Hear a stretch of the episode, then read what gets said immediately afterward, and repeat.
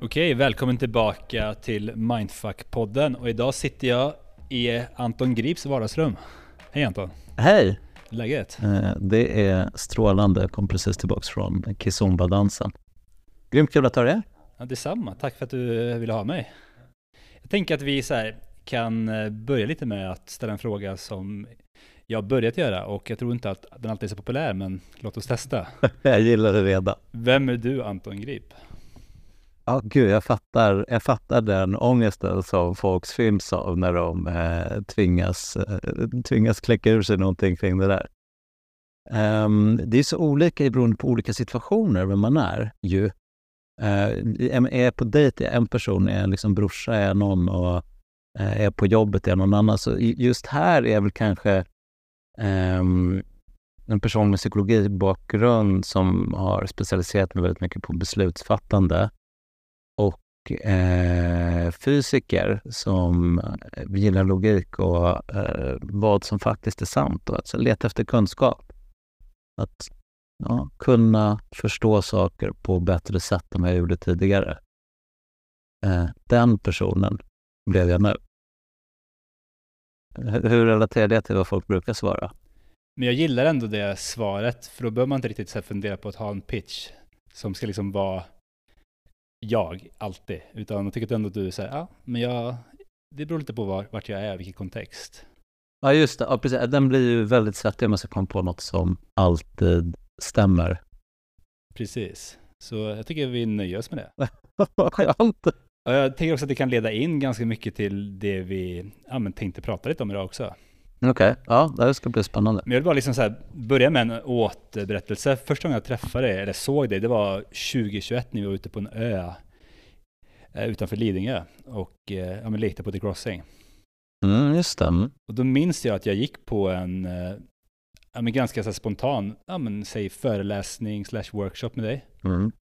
Där vi pratade lite om ja, men, beslutsfattande. Just det.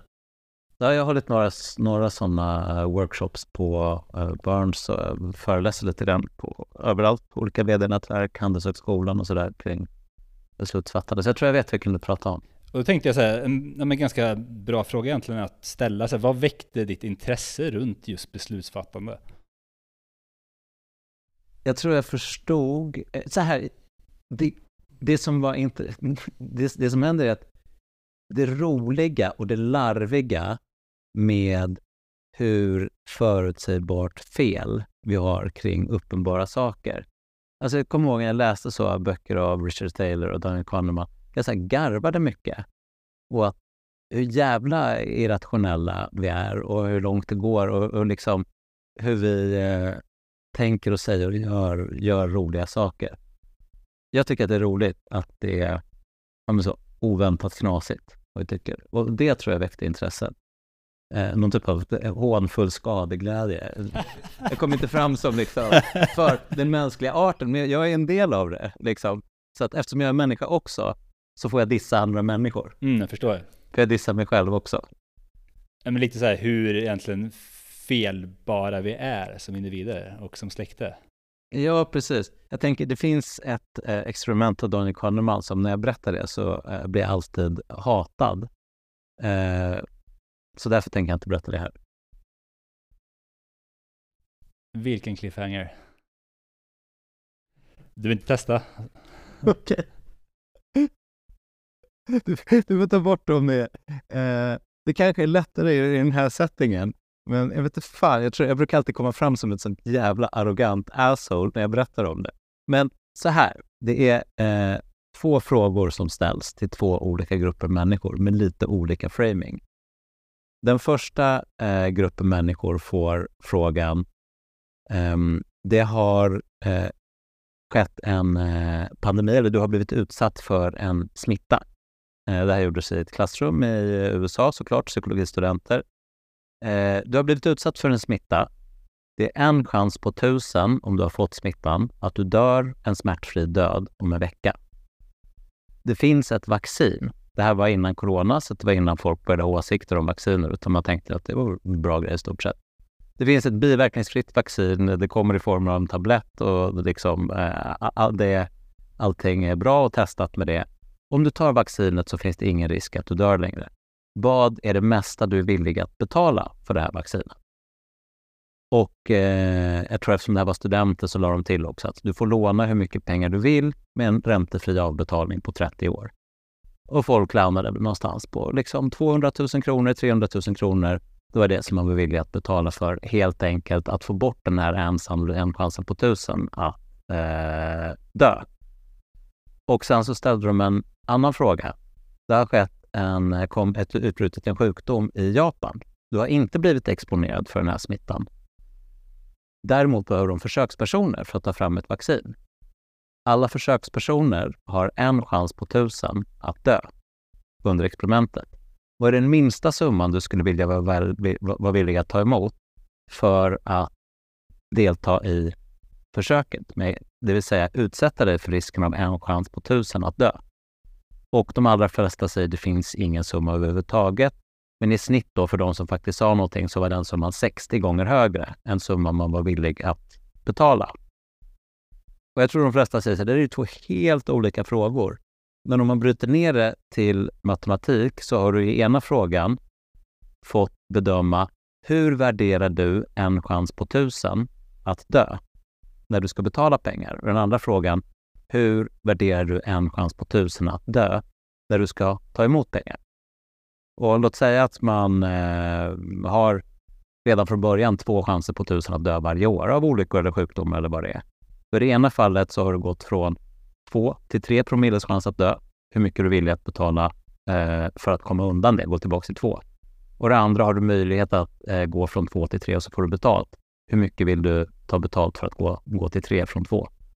Och där blir folk känslomässigt helt irrationella till den gränsen att de brukar bli sura. För jag brukar också berätta, jag brukar fråga dem först hur mycket vill du betala? Ja, 70 000 kronor. Och det kommer något, och vissa säger liksom konstiga saker. 1000 kronor, inte mer. Liksom. Hur mycket du vill jag ta emot? Ja, 100 miljoner skulle inte räcka. 100 miljarder skulle inte räcka. Då bara, och när jag då påtalar att så här, du säger 1000 kronor att köpa ett vaccin, men du skulle inte ta emot, ett, liksom, ta emot 100 miljarder för samma riskändring. Då brukar folk bli sura och börja tjafsa emot och eh, tycka att jag är idiot. Men det här är, jag garvade så mycket när jag läste om det här experimentet. Jag kände ju igen det. Mm. Och eh, vad, vad, är det, vad är det som händer här då? Alltså, dels så finns det ju en en väldigt stor del är eh, anticipation och regret, som är faktiskt en ganska viktig känsla som kommer igen i så många eh, situationer. Förväntan av ånger. Tänk dig om du inte köper vaccinet och så dör du. Ja, ja, jag var smittad i alla fall. Det var meningen. Tänk om du är med i det här experimentet. Du var inte sjuk. Du var på väg att leva 50 år till. Men på grund av girighet så är du med i experimentet och så dör du. Alltså den snopenheten, känslan av förväntad snopenhet eller förväntad ånger, den är så jävla kraftfull att vi värderar saker helt annorlunda. Och lägger du till dessutom tabut med att eh, handla och byta liksom, ekonomiska medel mot hälsa. Det är som att så här, sälja njurar eller liksom, eh, det här, man får inte sälja sin kropp. Då har du liksom perfect storm av i det ena fallet så vill man, är man inte värd att betala så mycket och det andra så. Det, det är så många tabun och känslomässiga grejer som bryts och som man måste göra sig av med för att kunna se det rationella i att vi, vi handlar här med en tusendels sannolikhet att dö fram och tillbaks. Men det låter lite som att det också kan vara ett kulturellt betingat experiment. Eller är det här någonting som man kan liksom generalisera egentligen på hela mänskliga släktet? Jag undrar om man hade gjort det här överallt. Jag kan inte tänka mig att det är någon eh, del av världen där man är villig att för ganska låga summor eller med, vad, vad, vad, tänker du själv? Är det liksom i fattiga länder? Då skulle man så här, tycka att det var värt det. Nej, men jag vet inte. Men jag tänkte mer på när du sa... Vad var det du sa? Nu hade vi en liten teknisk genomgång också hur vi ska synka det här klippet sen på slutet. Men i alla fall, det här var intressant. Eh, och eh, jag tänker att när jag lyssnar igenom det här igen så kommer jag bara, det här var ju amazing. Det är det som händer när man poddar. Jag vet inte om du har tänkt på det? När man, man sitter där och liksom försöker liksom snappa upp allting och sen så hänger man med någorlunda bra. Men man är så, liksom så inställd på att liksom tänka, tänka på nästa fråga, liksom lyssna. Jag förstår det. Det är väldigt svårt det du gör. Det är inte lätt, men det, alltså, guldgruvan, bortsett från att liksom sitta och connecta så här tillsammans, är när man redigerar avsnittet. Och får liksom allting återberättat till sig själv. Jag kan tänka mig att det är lite grann som en dans. Där, jag dansar ju då pardans, den kizomba. Eh, där följaren hela tiden måste lyssna på förarens små signaler om vad som kommer hända. Och det är en dans utan riktigt något grundsteg. Så man behöver verkligen som följare vara uppmärksam på varje liten detalj som händer. Och det tvingas att man är väldigt mycket i stunden och inte... Det är ganska svårt att se helheten. Uh, jag kan tänka mig att det är där du är. Vad händer nu och hur kan jag styra det vidare? Ja, men väldigt mycket så, men det är, alltså, det är en extremt härlig lärotrappa också att gå igenom. Alltså verkligen så här, man, man ser att liksom, den är oändlig, men den är, den är fantastisk också. Men om vi liksom så här, bara stannar lite på beslutsfattande. Hur jag då har liksom egentligen läst på om det här, jag, liksom vet, jag vet inte om du vet vad Farnham Street är, en blogg? Nej. Eh, Shane Parrish. Eller han har också en podd som heter Knowledge Project. Och han liksom så här försöker liksom så här dekonstruera, liksom, alltså deconstruct hur personer som Warren Buffett, Charlie Munger och många andra egentligen typ så här, tar beslut och hur de ja, men egentligen approachar eh, ja, men typ visdom och eh, kunskap.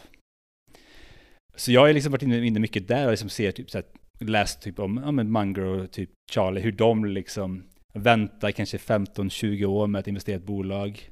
De tar inga förhastade beslut. Är det någonting du också liksom så funderat på hur ja, sådana individer jobbar runt beslutsfattande?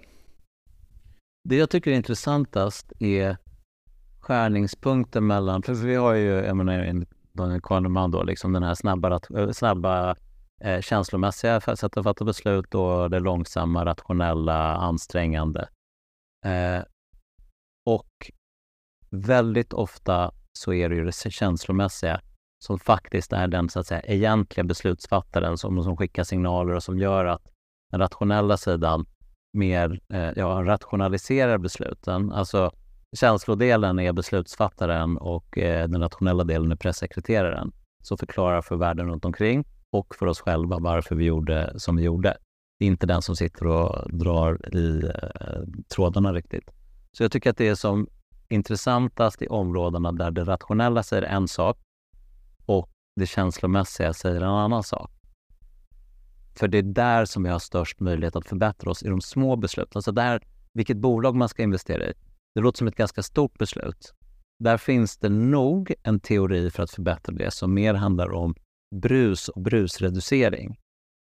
Eh, som är då, till skillnad från då bias eller systematiska fel, så finns det brus som är mer slumpvisa fel. Eh, och själva teorin bakom, eh, jag tycker teorin bakom är intressantare än själva case-exemplen. Så när det gäller stora beslut, om man vill bli bra på det, då skulle jag fokusera på brusreducering. Och eh, om man bara vill garva åt mänsklig dumhet så är det ju systematiska, eh, systematiska fel. Så jag tittar mer på, på, på det. Var, var, var är vi förutsägbart irrationella? Och eh, försöker förstå så mycket om de åren. För kan jag vrida ner lite i rationalitet, lite förutsägbar irrationalitet på olika ställen, så kommer mitt beslutsfattande som en konsekvens att bli bättre. Och jag tänker också på livet ofta som ja, men, en serie av väldigt många små beslut. De här stora och avgörande är ovanliga och eh, ja, det, det, är en ganska liten del av den totala beslutsmassan, eh, saker man gör därför har jag inte tittat så mycket på Warren Buffett eh, och sådana, utan tittar mer liksom på experiment och vad vet vi om vår hjärna. Och... Men om vi kollar på de här automatiska besluten då, de emotionella, eh, hur särskiljer sig det egentligen från typ vanebildningar, liksom vanor? Är det liksom inom samma tema egentligen? Ja, jag skulle säga att det är en lite annan eh, grej. Eh, vanor är ju att liksom skapa ett, ett beteende som är känslomässigt förankrat eh, för att man ska slippa anstränga vår väldigt, väldigt begränsade viljestyrka. Alltså den är ju bara notoriskt opolitlig. Eh, och då kan man ha vanor för att slippa ha viljestyrka. Det är en grej. Men om man säger att du vill sätta upp känsla mot logik, eh, bara för att ta, ta ett exempel. Eh, rysk roulette, vet du vad det är? Ja.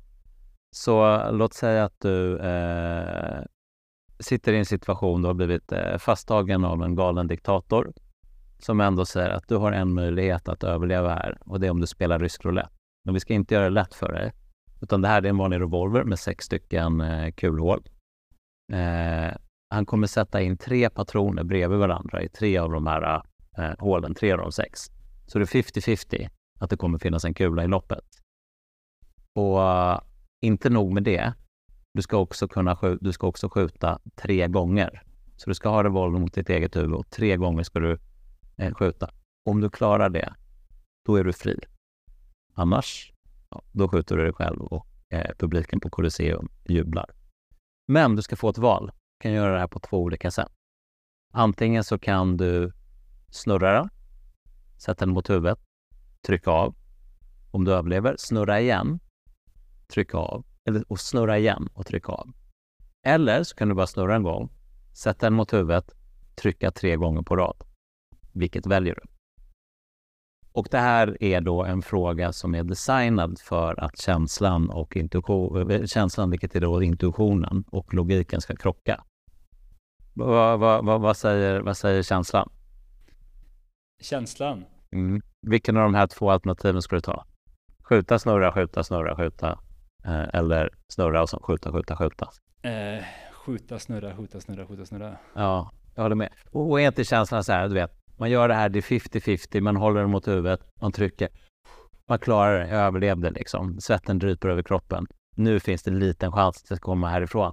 Man vill ha en ny fräsch start, eller hur? Man vill snurra. Jag lyckades en gång. Så vi ser att ah, det som en gång funkade, det funkar igen. Jag snurrar och skjuter igen.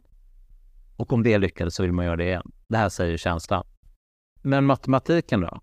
Okej, okay, ska man göra det här man, och, och snurra mellan varje, då har man ju 50 procents chans att eh, klara sig varje gång. Så att klara en gång har man 50 procents chans, två gånger har man 25 procent och tre gånger har man 12,5 procent, eller en åttondels chans. Om man ska bara snurra en enda gång, det finns ju sex olika positioner den här kan vara i. En av de positionerna, det är ju att det finns tre stycken tomma kulhål bredvid varandra. Det var ju tre stycken kulor bredvid varandra, då är det tre tomma bredvid varandra. En av dem, det är ju att det första kulhålet har två stycken tomma efter sig. Det vill säga man skjuter, skjuter, skjuter och det är bara tre tomma. Har den hamnat någon annanstans, då kommer man ju dö. Antingen på första, andra eller tredje skottet. Det betyder att det är en chans på sex att överleva då. Eller hur? Ungefär 16,7 procents chans. Och i det första fallet var det 12,5 procents chans. Så logiken säger skjut, skjut, skjut. Var du med på det där? Mm, det var jag. För när jag lyssnar på liksom skjut, skjut, så tänker jag, alltså det här, nu kommer jag ju dö. Det här är liksom mer eller mindre självklart. Det var bara så instinktivt, ja absolut, vi snurrar, skjuter, snurrar, skjuter, snurrar, skjuter. Ja, så då finns det en chans i alla fall med skjut, skjut, skjut. Det är liksom vad är sannolikheten? Men det är högre sannolikhet. Och såklart, alla svarar ju liksom som du gör och den är ju en fråga som är designad för att ställa upp den här krocken. Eh, men det är liksom en ganska tydligt exempel på vad jag tycker är intressant eh, och där man kan bli bättre på beslutsfattande. För jag tänker liksom att alla mikrobeslut och stora beslut, alltså alla mikrobeslut man tar på en dag, det är, alltså det är otroligt många. Mm. Visst, ja, vi har ju absolut invanda, alltså invanda beteenden som vi gör dagligen. Upp, kallduscha, meditera eller ta en kaffe eller vad det nu än liksom är. Men sen när du kommer till jobbet för exempel och liksom hela den rulliansen kommer igång, då blir det ju fort att man inte är riktigt medveten om varför man tar ett beslut eller annat. Nej, vi har väldigt dålig insikt i varför vi tar besluten som vi gör. Och det finns väldigt mycket forskning som visar att vi efteråt ofta har en ganska bra historia eller story kring varför vi fattar de beslut som vi gör. Men innan besluten fattas så vet vi inte vad vi påverkas av.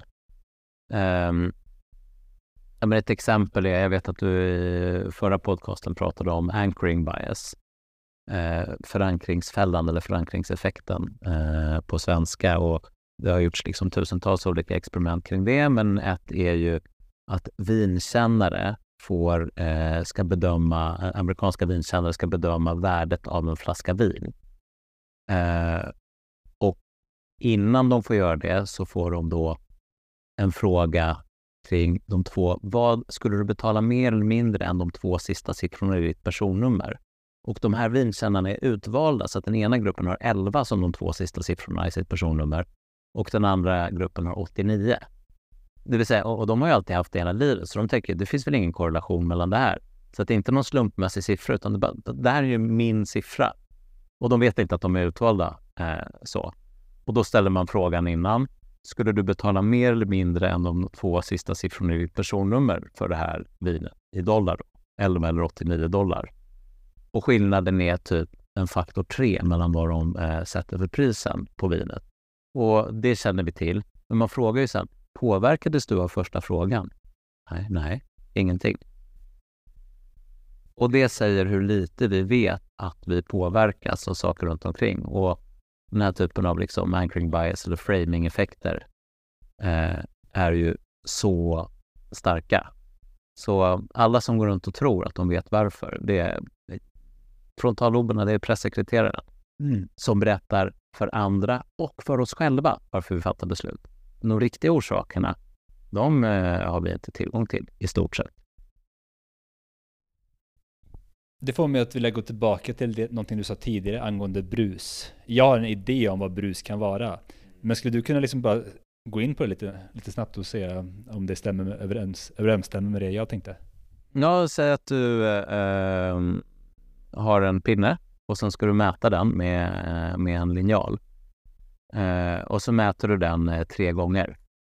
Och eh, du får lite olika. Du första gången så får du liksom 892 mm, 878 mm, 885 mm. Det vill säga, du mäter exakt samma sak. Det finns ett rätt svar, men du får lite olika eh, svar. Och det kan man ju tänka sig när man mäter. Det blir inte, det blir inte helt exakt, det blir liksom lite fel. Och det är då ett brus. Och brus finns i alla typer av bedömningar. Och det är ofta bedömningar som man gör eh, i en jobbsituation. Eh, hur mycket kommer vi sälja? Vad kommer vara säljforecasten för nästa år? Eh, jag som jobbar med försäkringar, vad är risken för att den här personen krockar eller får sin mobil stulen eller har en brand eller vattenskada? Eh, domare gör bedömningar. Vad ska straffet vara? Läkare gör bedömningar. Psykiatriker gör bedömningar. Meteorologer gör en bedömning. Vad kommer vädret vara eh, nästa år?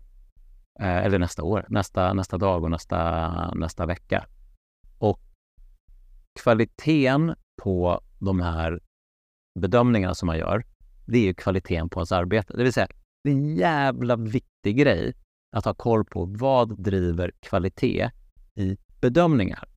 Och någon skulle kunna säga att bedömningar och beslutsfattande är samma sak. Jag fattar beslut om ett fängelsestraff eller jag Ehm, eh, fattar beslut om jag är så, eh, vad heter det, forensic detective, så fattar jag beslut om, är det här en persons fingeravtryck eller inte? Det finns ett element av bedömning. Eller om jag är snickare och mäter någonting, hur långt var det? Var det verkligen så långt som jag mätte? Eller mätte jag lite, lite kantigt? Så det är i alla fall eh, definitionen på vad det är för typ av beslut som kan ha brus. Och man ser att det är stort också. Alltså ett gäng domare som får samma case och som ska ge eh, eh en eh, sätta ett straff.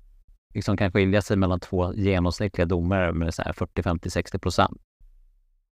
Jag kan tänka mig att brus egentligen kan vara man har sovit dåligt, man har problem med, i sin relation hemma, eh, kanske har spilt kaffe på sin, favorit, på sin skjorta under lunchen och säkert en mängd andra anledningar. Ja, och att man är olika. Om man tar exemplet domare. Um, den här personen påminner om min dotter, därför är jag extra, extra snäll. Den här personen påminner om någon som mobbade mig i skolan. Uh, eller uh, exakt, jag har en dålig dag. Det är innan eller efter lunch. Jag har uh, mycket energi eller lite energi. Allt det där påverkar. Och ett beslut kan inte vara bra om det är mycket brus. Eller hur? Du kan inte Eh, och, på ett försäkringsbolag finns det någonting som heter underwriters, de som eh, fattar beslut om vad en försäkring ska kosta på ett större bolag. Om du går till tio underwriters med samma bolag och får väldigt olika svar, då kan det inte vara hög kvalitet i de svaren. Det kan bara vara hög kvalitet om de svaren är ganska nära varandra. Det räcker inte för att det ska vara hög kvalitet. För säg att det rätta är 100 och så, så säger någon, någon 72, 74, 73, 74, 72. Då är de ju väldigt nära varandra, men det är liksom väldigt off. Men om de är utspridda överallt, då kan det ju inte vara hög kvalitet, för det är väldigt många som är väldigt fel. Och genomsnitten hjälper inte. Du kan inte ha eh, du kan inte säga att ja, ja, men vi har många underwriters, så att eh, i snitt blir det bra. Någon tar lite för högt och någon tar lite för lågt. För om en underwriter tar för högt betalt, då kommer man tappa den kunden för att någon annan kommer ta lägre. Om en annan underwriter tar för lågt betalt, då kommer man vinna kunden och förlora pengar. Så det finns en smal liten sån Goldilocks-zon där man både vinner kunden och tjänar pengar. Och kommer man utanför, du, kan inte kompensera att du tappar en kund med att vara alldeles för billig på någon. Och om du är domare, då kan du inte kompensera att någon fick ett för högt straff med att någon annan fick ett för lågt straff. Det kommer liksom den som blir dömd inte gilla. Alltså det här är så extremt intressant och det var därför jag också då förut nämnde typ Warren Buffett och Charlie Munger. För jag är så fascinerad av hur sådana personer kan men, ha ett sådant omdöme som sedan transformeras i beslut som genererar ja, men väldigt mycket tillväxt för deras bolag till exempel. Mm. Uh, och uh, nej men det är så här, det är fascinerande men du sa att du är mer liksom intresserad av ja, men egentligen experimenten runt om och liksom varför det här händer. Ja, men, men det finns ju strategier för att reducera brus, alltså brusreduceringsstrategier. Det jag gärna skulle vilja liksom så här, ja, men gå in på nästa, liksom, vad, vad kan man göra? Um, det finns några saker, man brukar kalla det för beslutshygien. För eh, när det gäller brus, det ser man ju inte, det är liksom en så statistisk abstrakt grej. Eh, systematiska tankefel, de känns så himla konkreta och det finns så orsak och verkan. Men brus känns så himla liksom tråkigt och statistiskt, så de flesta liksom skiter i det. Men det bidrar till det totala felet i nästan alla beslut, mycket, mycket mer än vad systematiska eh, fel gör. Eh, det finns liksom ett bevis för det här som vi inte behöver gå in på. Eh, men några saker som vi gör på mitt jobb till exempel, där vi har beslutshygien. Lite grann som att liksom tvätta händerna för att undvika sjukdomar. Man vet inte vilken sjukdom man liksom motverkar. Man kommer aldrig känna att så här, åh, den där sjukdomen blev jag av med. Man kommer bara leva ett friskare liv och det är samma med beslutshygien. Man gör en massa grejer, man upplever aldrig någon fördel av det. Så det är en ganska liksom osexig grej att göra. Men det första är eh, fatta beslut här, ta in fler eh, bedömare om det är möjligt. Det kan man inte göra för det kan vara kostsamt, men om det är ett viktigt beslut, säg en anställningsintervju, då kan man eh, ta, in, eh, nya, ta in fler bedömare. Eh, man har ofta flera som intervjuar personen. Det som är viktigt för att få ett värde av fler personer som gör en bedömning, det är att alla deras observationer måste vara oberoende av varandra det som man väldigt ofta ser, typ i en jobbintervju, det är att det sitter kanske så här, sex personer har träffat eh, den här kandidaten. De sitter och har lite olika åsikter. Vissa tycker de jättebra om den och vissa tycker ganska dåligt om den och några däremellan. Och sen så eh, sitter man då i någon kommitté och ska fatta det här beslutet och den första personen börjar säga någonting och det råkar vara den som tycker bäst om den här personen och säger jag tycker det här var en riktigt fantastisk person. Eh, alla tittar runt lite grann. Den första har sagt att den som tycker ganska illa om den här eh, kandidaten och inte gillar den. Den pausar lite grann för den tänker, gud, det här kommer, jag ska lyssna vad de andra säger, men här kommer det bli konflikt. Den personen som känner sig mest eh, manad att prata, det är den som också tycker om den.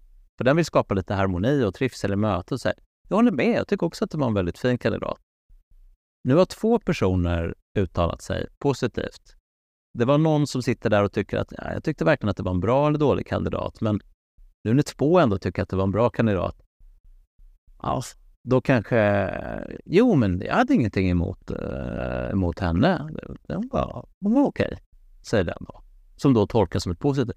Nu sitter de och är negativa och säger, okej okay, det är redan tre som har sagt att de var jävligt bra. På Vad är det jag missade? Fan, jag kanske var det inte, om de var väldigt trevliga och var ett fast handslag eller liksom, de övertalar sig själva och någon som är lite på bommen men lite negativt säger så här. Ja, men ni, ni har nog rätt, det, det, finns något där. Och helt plötsligt den som var väldigt negativ, nu är det liksom fyra personer som varit positiva. Är det ens, ens någon idé att jag pratar? Den kanske säger någonting, ah, jag var inte lite, lite skeptisk, eller så väljer de att vara tysta. Eh, och det här är liksom så som beslut fattas väldigt ofta. eh, i, i, i, um, i kommittéer på ett jobb. Och det gör att man får superdåliga beslut för att man får inte tillgång till den kollektiva visdomen utan det blir liksom som en eh, kollektiv dumhet istället. Um, och det här kallas för cascading, det här fenomenet. Uh, man har, det här var liksom en, hur det kan se ut, jag tror de flesta kan känna igen sig, men det finns experiment där man har eh, belagt det här. Då har man haft grupper om 12 personer som ska göra gissningar av saker som de inte riktigt vet. Typ, vad är, hur stor är befolkningen i eh, huvudstaden på det här obskyra landet? Eller hur stor, hög är kriminalitetsgraden i den här staden? Det vill säga, de ska göra bedömningar som är svåra. Och då har man liksom några olika setups. Det ena är att alla gör oberoende bedömningar och så tittar man på totalen. Eh, och i den andra situationen får de först prata med varandra och sen eh, göra bedömningarna. Och det visar sig att i grupperna där de först får diskutera frågan och sen göra bedömningarna så blir svaren sämre än varje ingående del. Så att vi får liksom en polarisering. Att om ett gäng tänker någonting, och jag menar i den här jobbsituationen, då brukar det vara så att slutbetyget på den här personen kan vara mycket högre än någon av de ingående gruppmedlemmarna för att man håller på att förstärka varandra hela tiden tills man kommer till liksom något jättebisarrt beslut. Eh, så en grupp på 12 personer som först får prata med varandra för att göra en bedömning är sämre än varje ingående del i den här gruppen. Och man kan tänka på det lite grann som säg säger den här jobb, eh, jobb, jobbsituationen, att varje person som har träffat eh, kandidaten är som en vittne i en rättegång. Eller hur? Är, är den här personen då skyldig? De vittnar om vad, vad som är sant. Och att låta dem prata med varandra innan, det är som att låta vittnen prata med varandra innan en rättegång för att komma fram till att berätta vad som hände. Det vet vi intuitivt, det blir inga bra vittnesmål. Man vill höra vittnena oberoende av varandra och sen vill man lägga på intuitionen. Och en eh, ett sånt enkelt liksom, tumregel som vi har på, på mitt jobb är eh, estimate talk estimate. Först gör man en bedömning, den måste vara oberoende. Sen tittar man på den och sen kan man liksom trycka på varför tyckte du så här, det här var anledningen jag tyckte det. Och sen gör man en bedömning till. För då har man fått bort hela den här cascading-effekten och man har fått tillgång till den kollektiva visdomen först. Så det är liksom en av ett par sådana eh, beslutshygiengrejer. Och allt det handlar om att reducera brus. Brus ökar om alla får prata med varandra först innan de estimerar och brus mink minskar och därmed ökar kvalitet. Vi har redan sagt att du har hög kvalitet om du har lite brus.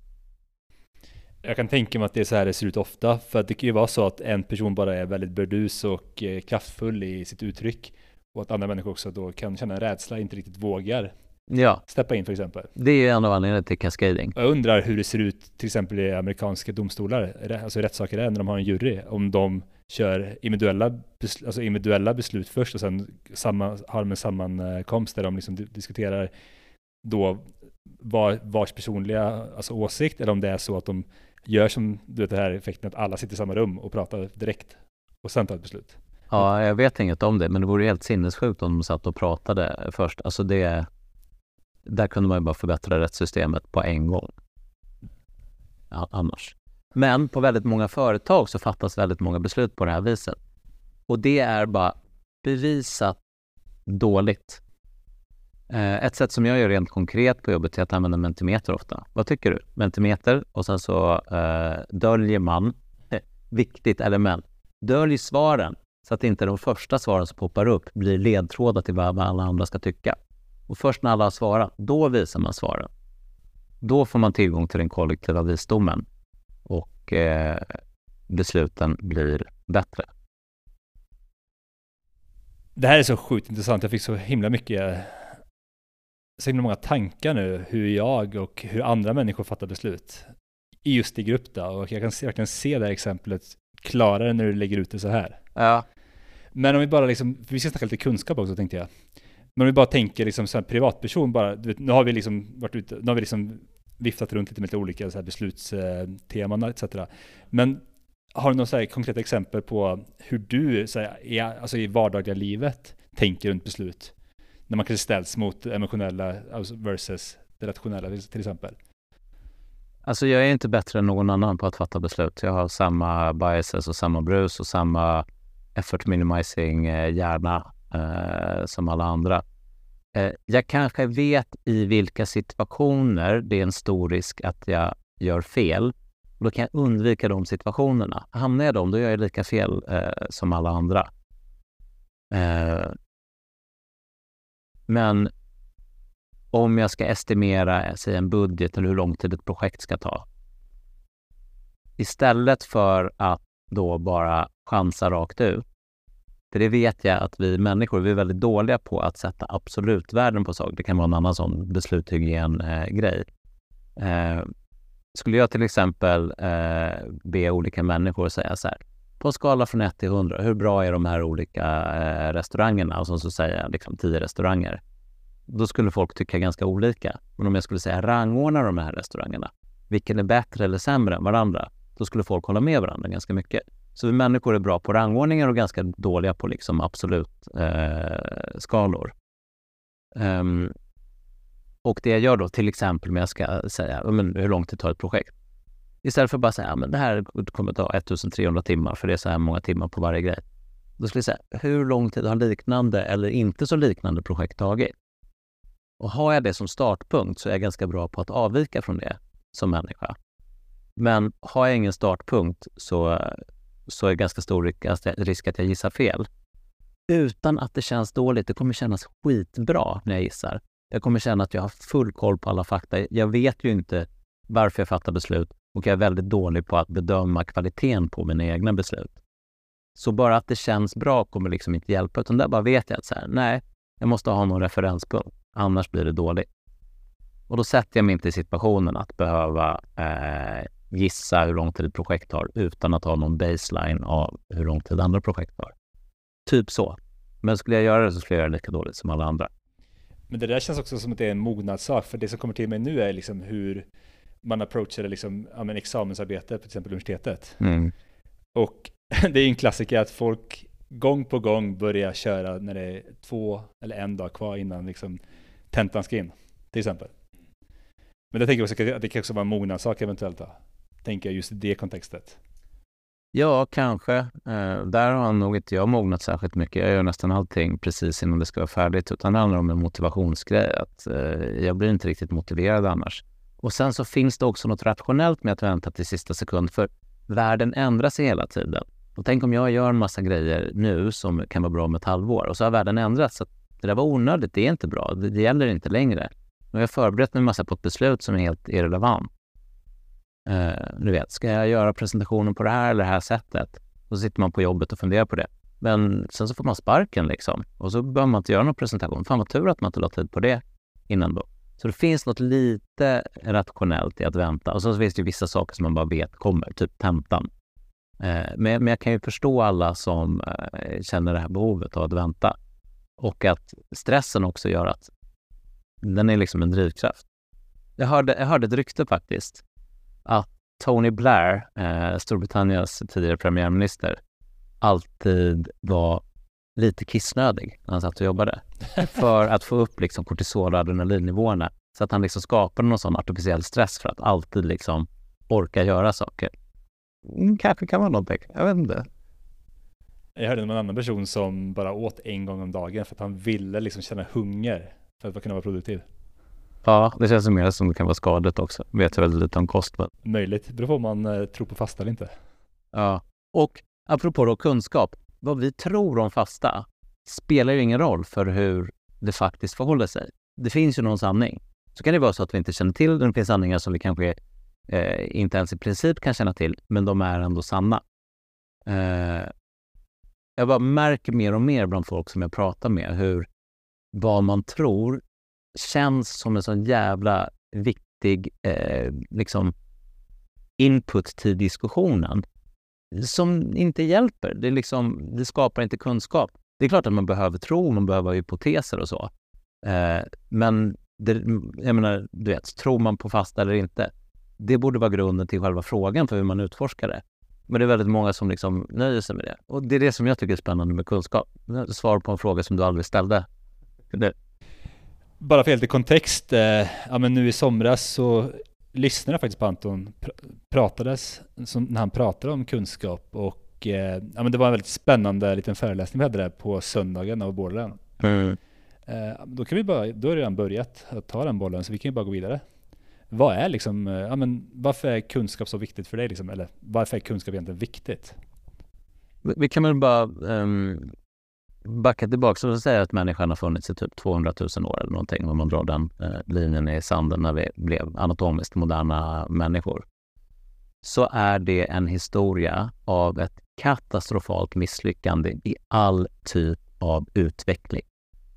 I 190 000 år hände ingenting. Alltså eh, arkeologer kan inte se på en upplösning av 10 000 år närifrån någon typ av verktyg är, för att ingenting hände. Jag kommer att eh, lida av exakt samma misär, sjukdomar, kroniska problem som mina föräldrar och mina farföräldrar och mina barn kommer lida av exakt samma kroniska besvär och problem. Hunger, eh, bli dödade av rovdjur, kyla, eh, elände. Och samma sak kommer hända generation efter generation i 10 000 år utan att någonting någonsin blir bättre. För 10 000 år sedan så började vi bruka jorden samlas.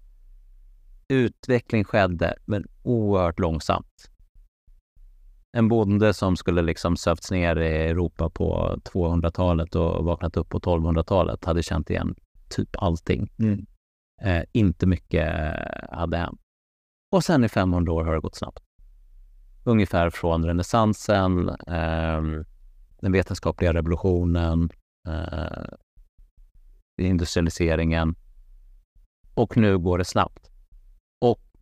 Ja, värdet med kunskap, det är att slippa vara hungrig och frusen och utsatt för parasiter och sjukdomar och rovdjur eh, och inte kunna göra någonting åt det. Egentligen alla problem kan antingen lösas med tillräcklig kunskap eller bryter mot någon av fysikens lagar.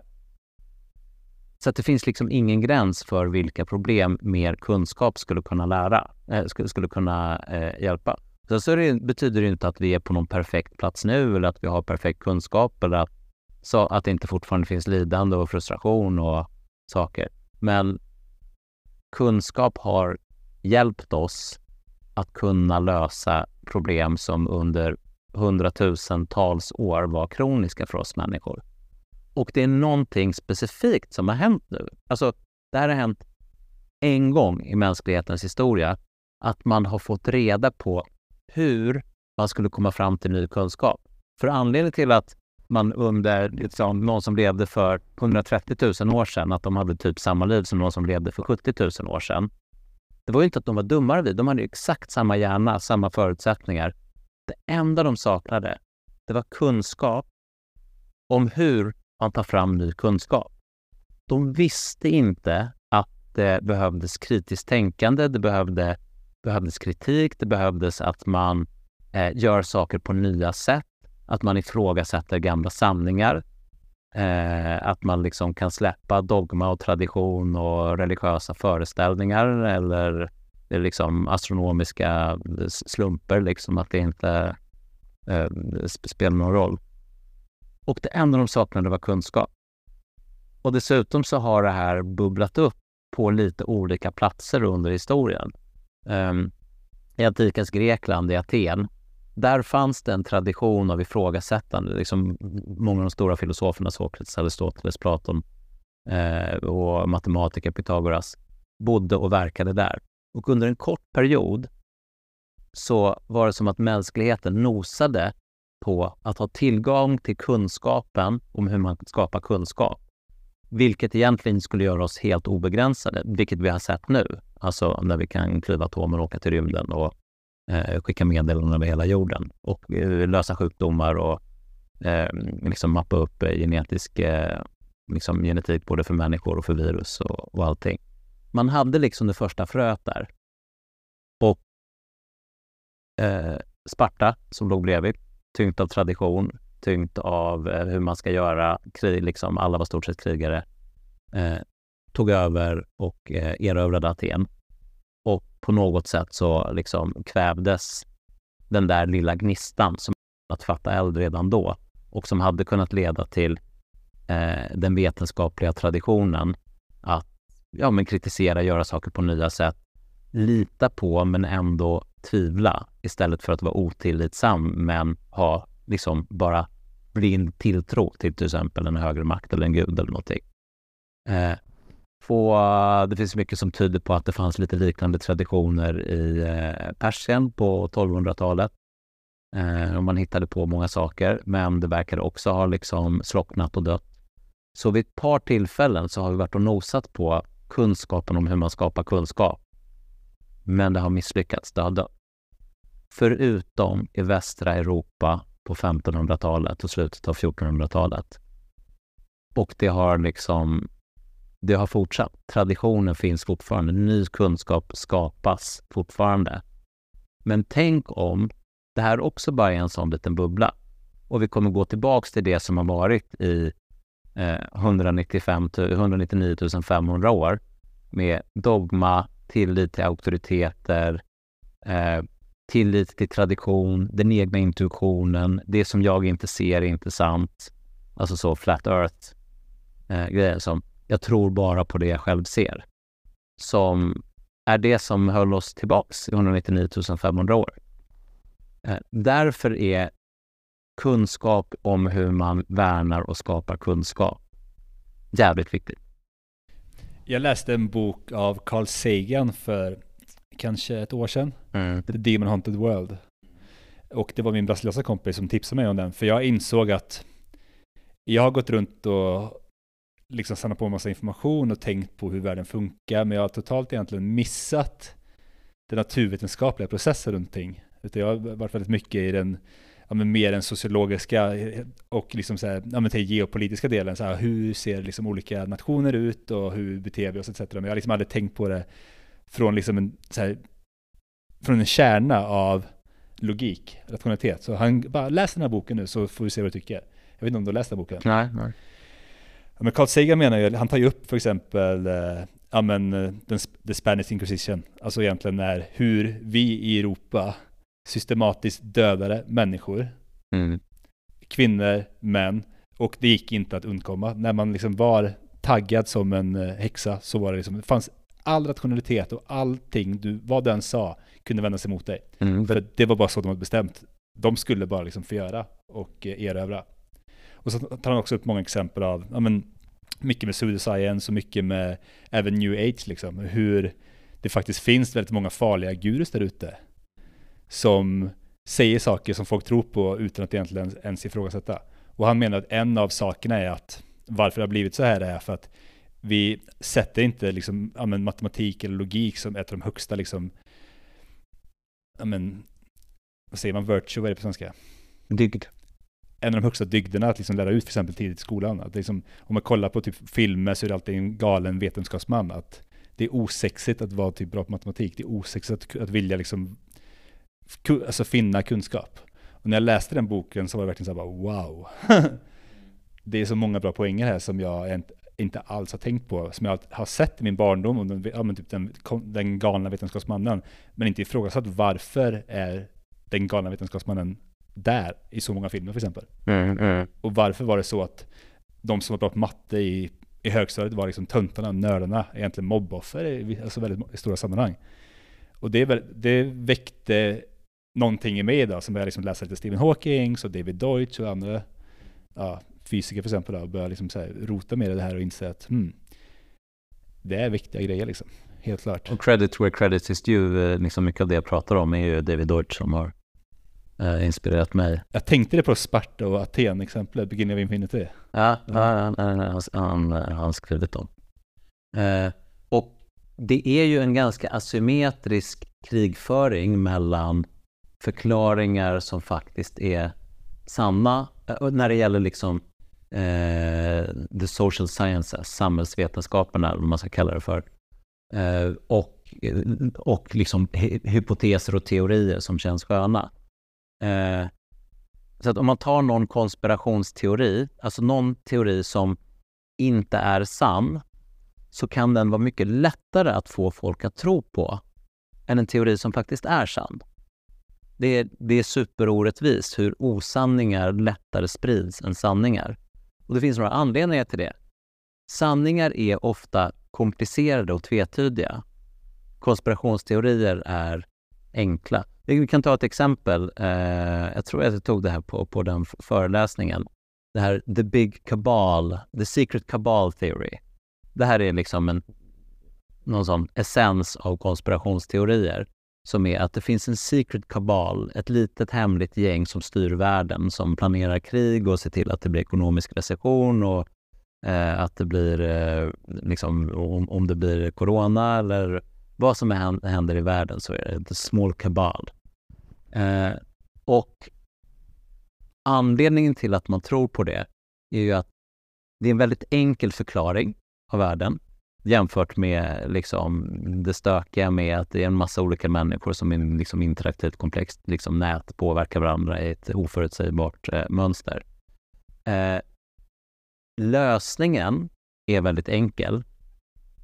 The Big Cabal, eller The Secret Cabal, är eh, orsaken till alla problem. Ta bort The Secret Cabal så har du löst alla problem. Och det gör att jag inte har något ansvar för allting som är dåligt i mitt liv. Så när jag misslyckas och inte får till det jag vill eller mina business inte går något bra, då är det eh, The Secret Cabals fel och inte jag. Och det här är ju en väldigt mycket härligare budskap att höra.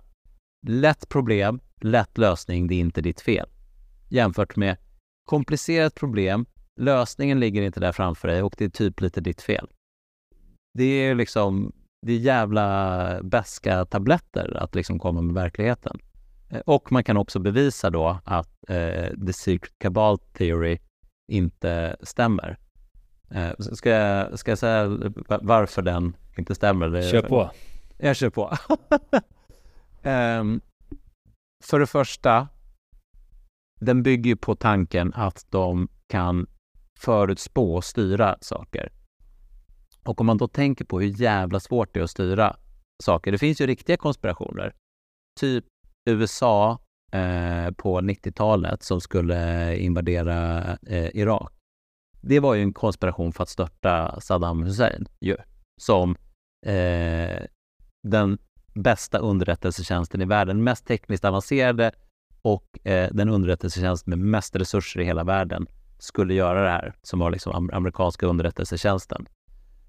Det de lyckades med var att de fick inte till att störta Irak och de eh, gjorde så att terrorismen ökade och att Iran var de som vann på det.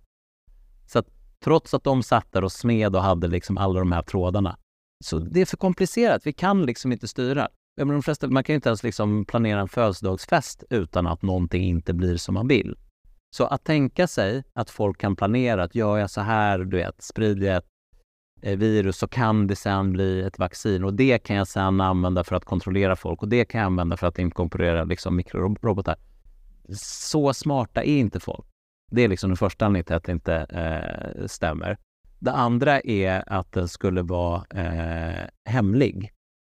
För hemliga grupper har ju inte, eh, inte makt det finns ju liksom små grupper som har makt, typ eh, det kinesiska partiet. De har ganska mycket makt.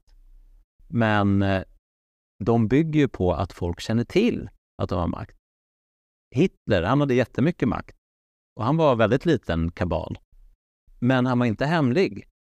Om Hitler hade varit helt hemlig och ingen kände till honom, då hade det varit ganska litet, för de behöver publicitet för att eh, få fram sitt budskap. Så därför kan det liksom inte vara så att det är något litet hemligt gäng som, eh, som får till allt det här. Okej, intressant. Eh, om vi tar då den teorin, men då kan vi se, om vi bara ska liksom säga, vissa säger liksom för exempel att Blackrock, som har typ 11 triljoner dollar i tillgångar, att de är en väldigt styrande faktor. Ja, men med det du säger nu, ja det stämmer ju förmodligen, men de är inte hemliga, de är ett stort, en stor fond. De, exakt, de är inte hemliga de kan nog inte, alltså de styr en massa, men jag tror att de eh, styr slumpmässigt. Om de vill någonting så kommer de inte vara så stor sannolikhet att de får till det. För hur fan ska man göra det? Säg att så här, man tycker att Demokraterna ska vinna över Republikanerna till exempel, eller vad man nu vill styra och sen så finansierar man en massa eh, marknadsföring och sen så visar det sig att folk då får reda på det och så, så liksom går det ut på sociala medier och så, så blir det liksom negativt för Demokraterna. Massa sådana grejer kan hända som de inte kan styra. De sitter där och försöker, men det, det är svårt. Men återigen, det går inte ens att planera ett födelsedagskalas så att det blir som man vill. Och sen så har vi också, är vi också människor med egna egenintressen också. Ja, precis. Eh, det som är intressant med David Deutsch är att han är så optimistisk. Ja. Han tror ju verkligen på att kunskap kan lösa alla problem. Och mer kunskap är bättre. Och att vi har problem är delvis en stor faktor för att, vi, för att det är dålig kunskap. Ja, precis. Vad anser du om den tesen?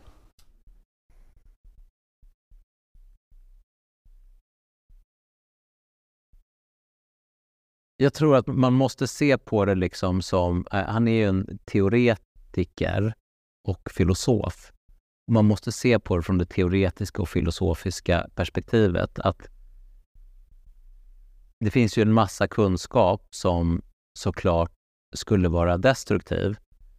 Men att man måste då tänka många steg till, att då finns det annan kunskap som kan se till att ta bort den destruktiva kraften i den här kunskapen. Eh, jag menar, säg att man skulle få fram kunskapen på hur folk kan så här, eh, printa virus i en så här virusprinter som man köpt på Kjell Company för tusen spänn hemma. Det skulle ju vara liksom en ganska dålig kunskap, för det finns tillräckligt många liksom, eh, galningar och folk med dåliga liksom, incitament som skulle vilja printa virus liksom hejvilt som är eh, liksom, eh, 20 gånger mer smittsamma och 50 gånger mer dödliga än corona och som har eh, 10 gånger längre inkubationstid.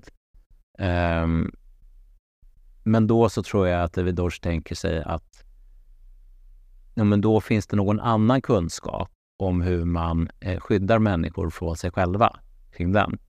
Men det finns ju någonting, om man ska ha något motargument, så är det väl, eh, tror jag att det är Max Tegmark som har eh, pratat om the earn of inventions. Eh, att man tänker sig att alla uppfinningar är som en liten boll. Det finns eh, vita bollar som är bra, det finns gråa bollar som är liksom mellanbra, typ eh, kärnkraft liksom, kan användas för att döda oss, men också för att ge oss energi. Och så finns det svarta bollar. Och om man nu, man tänker sig den här krukan med uppfinningar och så ta, stoppar vi ner handen och tar upp en uppfinning. Det finns en svart boll där inne. När vi uppfinner det här så dödar vi oss själva. Och det skulle kunna vara AI, det skulle kunna vara eh, ja, men, väldigt lättillgänglig, eh, eh, väldigt lätt att göra atombomber eller att det blir väldigt lätt att eh, printa virus till exempel.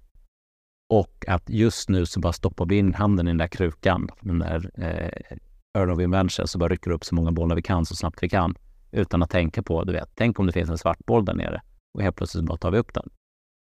Eh, och då skulle man väl säga att liksom, och det skulle ju vara förklaringen, Det är ju en massa relevant kunskap som skulle komma upp då, men den kanske då inte skulle lösa alla problem.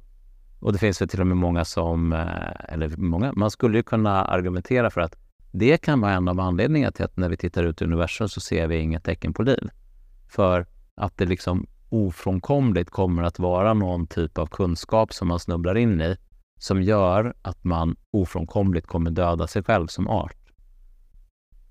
Och det gör att det är väldigt, eh, ja, att, att, vi faktiskt inte ser någon annan. För när man börjar komma till vår, vår nivå, eller vår, då, så, då är det liksom 10 eller 20 år kvar och sen så rycker man upp den där svarta bollen. Och det vet man ju inte förrän innan. För det är ganska svårt att okunskapa kunskap. Det är ju svårare. Alltså, tänk dig att du skulle få uppgiften att glömma hur man läser. Det skulle vara mycket svårare än uppgiften att lära sig läsa. Det är väldigt svårt att stoppa tillbaka bollar i krukan. Verkligen. När det är väl, liksom, exakt, när anden ur flaskan så kommer vi köra runt det, köra på liksom. Ja, precis. Hmm. Uh, och det är det som hans sommarprat också handlade om lite grann. Var lite försiktig, kanske är vi och pillar på den där, på en svart boll där nere liksom i krukan. Vad tror du? Alltså jag kan alldeles för lite om det för att liksom vara, någon, vem som helst skulle kunna, som kan mer skulle kunna skjuta ner mig. Men eh, det finns, ja, jag, det korta svaret är, jag tror ju att det kan vara lite, det kan vara överdrivet med rädslan för AI på grund av att den inte har vuxit fram via evolution, där det inte finns liksom en inbyggt sånt existensbias.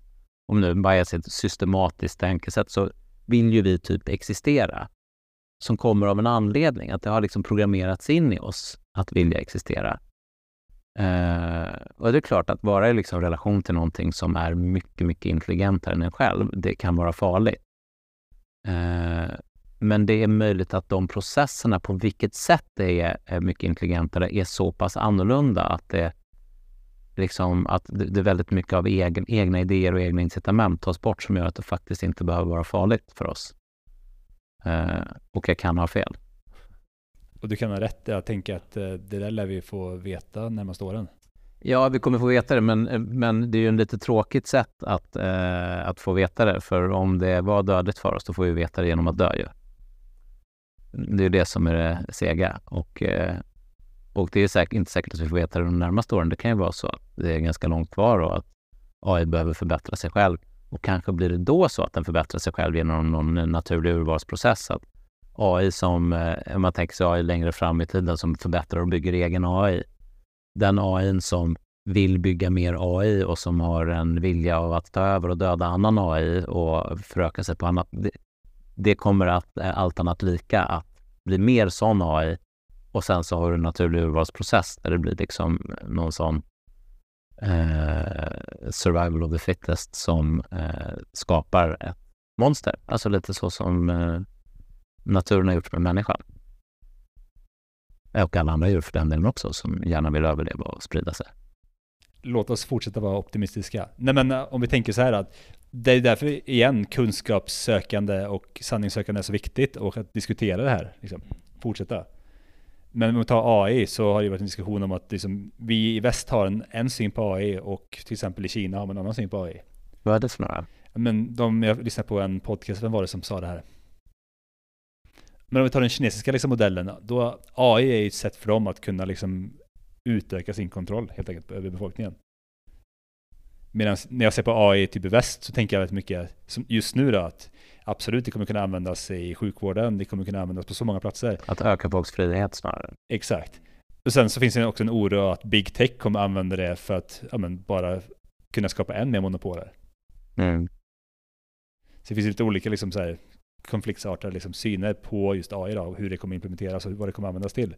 Jag väljer att se det som, det positiva, som någonting positivt. För att jag kan för lite om det för det första. Jag har bestämt, jag bestämt att jag ska vara en obotlig optimist. Mm. För jag tänker att det är mycket roligare att leva då. Och ja, det är väl de två faktorerna. Och det finns något litet värde med eh, att vara lite, så, lite för optimistisk och positiv. För att man får roligare och man får nog mer saker gjort.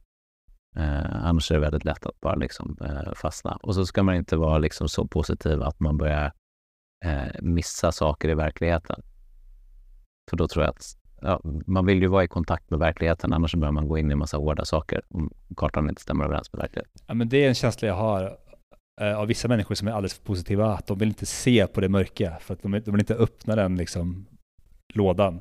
Toxisk positivitet. Vi kan kalla det så. Jag tänker att nu har vi kört ungefär en timme. Det är väl ett jättebra tillfälle att, uh, att avrunda. Absolut. Egentligen har vi en fråga till. Ja. ja. Har du några liksom, resurser, det kan vara böcker, podcasts, författare, som du skulle vilja liksom, rekommendera för lyssnarna? Jag kan väl rekommendera processen snarare än eh, författarna. Och för mig så är det två sätt. Ljudböcker och podcasts när jag är ute och går. Och Kindle, som är någonting som jag köpte för inte så länge sedan. Men fan vad mycket lättare det blir för mig att läsa då. Få hem böcker, läsa, kunna ligga liksom i mörkret och släcka lampan och hålla den med en hand. Små, små ljuvligheter som gör att jag läser liksom 60% mer. För det största hindret till att ta in kunskap tror inte jag är att eh, man inte vet vad man ska läsa. Jag tror att de allra flesta har liksom långa listor med böcker man vill läsa. Utan det är att sätta sig i situationen där det blir lätt att börja läsa. Eller det blir lätt att lyssna på en ljudbok. Eh, så därför är mina tips snarare processen. Läs varje kväll innan du går och lägger dig. Eh, ha det på en Kindle för det blir så himla lätt. Ta med din Kindle som gör att liksom, det gör ingenting om bussen är 20 minuter sen. Eh, och se till att lägga in den boken som faktiskt eh, lär dig någonting. Eh, det är lätt att också läsa någonting som är mer bara en deckare eller någonting. Eh, men eh, jag gillar böcker så jävla mycket för jag vet hur mycket tid och energi som någon har lagt ner på att faktiskt formulera det där så bra som möjligt för att det ska bli superlätt för mig att ta till mig. Och det är typ lite bättre än podcasts på ett sätt. För någon har verkligen tänkt till mycket mer än i en podcast. Så finns det någonting som är underhållande för att man får liksom en här och nu-känsla i en podcast. Fan, ljudböcker och böcker. Så jävla grym grej. Så eh, läs vad ni vill, men läs mer. Där har vi Antons tips. Och någonting som jag tycker är ganska intressant också med böcker är att man behöver inte alltid slutföra en bok. Har man då en Kindle till exempel, då kan man ju ha flera böcker, liksom så här, välja mellan, bläddra liksom lite vad som känns bäst för stunden. Ja. Bara man- hoppa över tråkiga segment. Ja men exakt. Ja men tack för tipsen Anton och tack för att du tog dig tid. Det är jättekul. Snacka. Då hörs vi. Det gör vi. Ha det bra. Hej.